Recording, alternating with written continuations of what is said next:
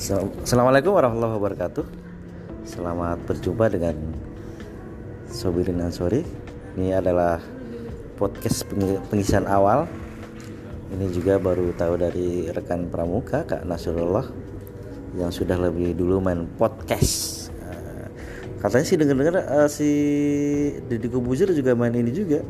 Bahkan dari Youtube bisa dioper ke podcast ke suara saja.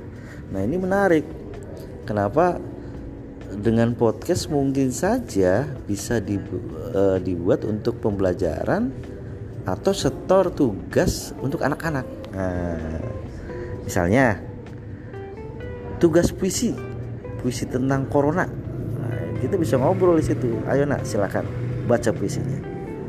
Asik kan? Atau bahkan bisa untuk nyanyi ya. Setel musik, kemudian nyanyi, kita dengarkan, udah jadi. Sepertinya ke arah sana nanti.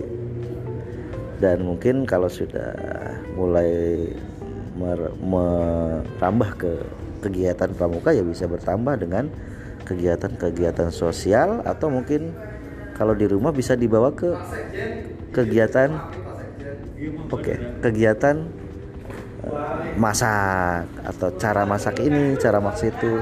Pokoknya banyak hal Oke, segitu saja. Terima kasih. Assalamualaikum warahmatullahi wabarakatuh.